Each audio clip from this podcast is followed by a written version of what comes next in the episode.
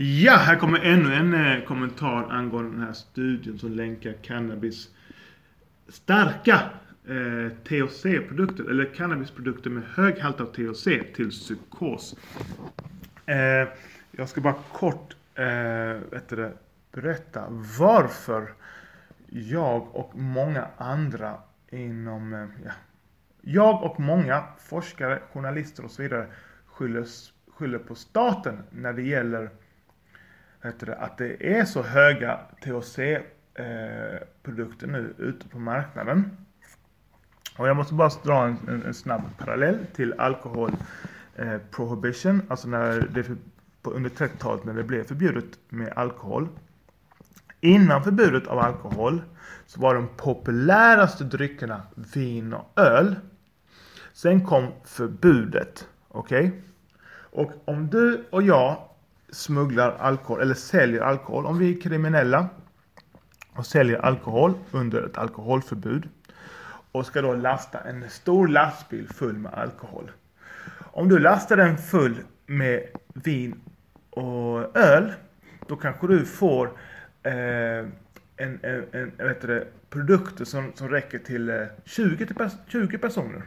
Om vi istället lastar den med stark sprit, då får vi eh, alkohol som räcker till 2000 personer, eller 200 personer i alla fall. Så när det här förbudet eh, kom, då blev, den då blev den populäraste alkoholdrycken eh, sprit. Istället för öl och vin. Och likadant är det med, med cannabis. Cannabisprodukterna som var innan förbudet, där låg det på THC-halter på 5%, max kanske 10%, inte ens det, 5% cirka. Och CBD-halten var dessutom högre. Sen kom förbudet, eh, cannabisodlingarna flyttade in, in, inomhus. Så man började skapa artificiella små mikroklimat och perfekta förhållanden. Och började då ta fram cannabis med väldigt hög THC. För det är mycket smartare om du och jag säljer cannabis på en illegal marknad. Då vill vi ju fylla den här lastbilen med så höga THC-produkter som möjligt. För då kan vi sälja det till fler människor. Är du med mig? Så ja, jag hoppas du hängde med på min, för, min, min förklaring. Och detta är inte jag klurat ut själv, även om det är väldigt, väldigt logiskt. Så hade det inte varit för cannabisförbudet så hade odlingarna aldrig flyttat in. Vi hade haft ett större utbud med mildare cannabisprodukter, alltså cannabisprodukter med lägre halt av THC. Typ de produkterna som börjar växa fram i, eller har växt fram och börjar få ta väldigt stor del av marknaden i Kalifornien, Denver och så vidare, de delstaterna i USA där det är lagligt med eh, cannabis. För det är bara en liten subkultursgrupp som vill ha så höga, alltså ha cannabisprodukter med så höga halter THC som möjligt. Jag personligen står med en fot i den subkulturen. Jag tycker det är skitkul med, med eh, cannabisprodukter med höga halter av THC. Däremot den breda massan Alltså den, de, den stora gruppen, eh, stora, eh, mark, den, den, största marknaden som växer fram inom cannabis vill ha något som kallas för funktionell cannabis. Det är cannabis som du kan bruka och fungera. Det är låga halter av THC och högre halter av eh, CBD. Du slipper paranoia, du känner en mild rus, du kommer lätt i flow state som man kallar det. Eh, det här, detta är cannabis som eh, riktar sig till wealth and en, en eh, wealth and, eh, heter det? Health and wellness industrin. Alltså, eh, hur översätter man health and wellness industrin till svenska? Till hälsoindustrin mer. Där är det inte vad heter det, så höga THC-produkter. när det gäller den medicinska delen, när det gäller att bekämpa cancer och så vidare, där är produkter med väldigt hög THC. det, det känns som att THC är den molekylen som, eh, som är bäst för att motverka då cancer och så vidare. Jag är ingen läkare, jag gör absolut inga, hälsopåståenden. Jag är precis som du, har en mobiltelefon, jag kan googla och läsa vad andra har gjort. Så jag, om du är intresserad av THC eh, och eh, THCs eh, inverkan på exempel cancer, så googla THC och eh, Spanien, Madrid, något så får du det främsta eh, universitetet i Europa som håller på med den här forskningen. Och de, jobbar, de forskar enbart på relationen till osteocancer. Eh, Israel har gjort det sjukt länge, väldigt, väldigt länge. Där kan du också googla och det finns, finns så mycket dokumentärer. Ta de här seriösare dokumentärerna som från Vice och så vidare.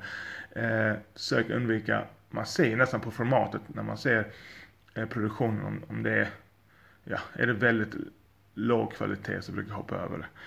Eh, det betyder inte att det inte, att det inte funkar, men du får göra din egen bedömning. Jag gör inga hälsopåståenden, jag, är, eh, jag, jag är ingen läkare som sagt. Men se så knasigt det blir på ett, en marknad som är när, när, när, när marknaden är förbjuden, när cannabis eh, blir förbjudet, då, då tvingas vi som vill bruka cannabis att gå på den svarta marknaden och träffa skrupel, oskrupellösa, alltså oärliga och elaka och hemska människor. För de, de befolkar den svarta marknaden. Det är kriminella som bara vill tjäna snabba cash.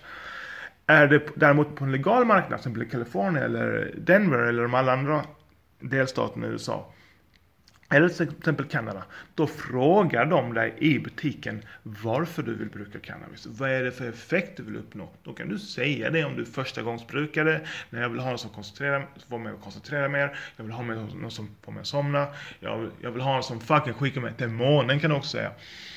Så förbudet, det finns inget positivt med förbudet, tvärtom. Det är hemskt alltså. Det för med sig bara skit. Så vare sig du tycker om cannabis, brukar cannabis eller inte, så är det helt knäppt att du, att du är för ett förbud. Jag, exempel, jag tycker inte om alkohol, jag tycker inte om att umgås med fulla människor.